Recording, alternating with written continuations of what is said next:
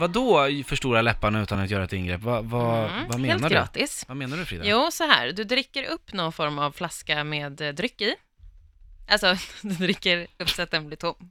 Och that's it. Tack så mycket Frida. Eller vadå? Nej, nej. Sen så stoppar du ner läpparna i flaskan. Alltså i muns... Eh, alltså i hålet. Det får inte vara en sån som har en smal eh, öppning. Ja. Förstår du? Okej. Lite större. ja, jag har en flaska här. Ja. Och så stoppar du ner dem i så. Och sen så liksom kny- så att det blir tätt liksom Mm. så här. Och sen så suger du. Och så bara Men- poff svullnar de upp. Vips, stora läppar.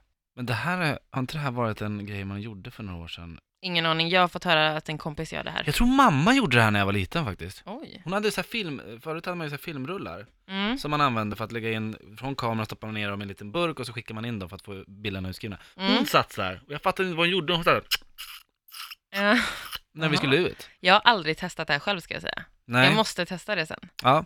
eh, bra. Eh, är det så att man har glömt deodoranten och luktar lite illa, då finns det ett väldigt smart knep man kan använda sig av. Vi kan göra det här, på jobbet vet jag. Jaha.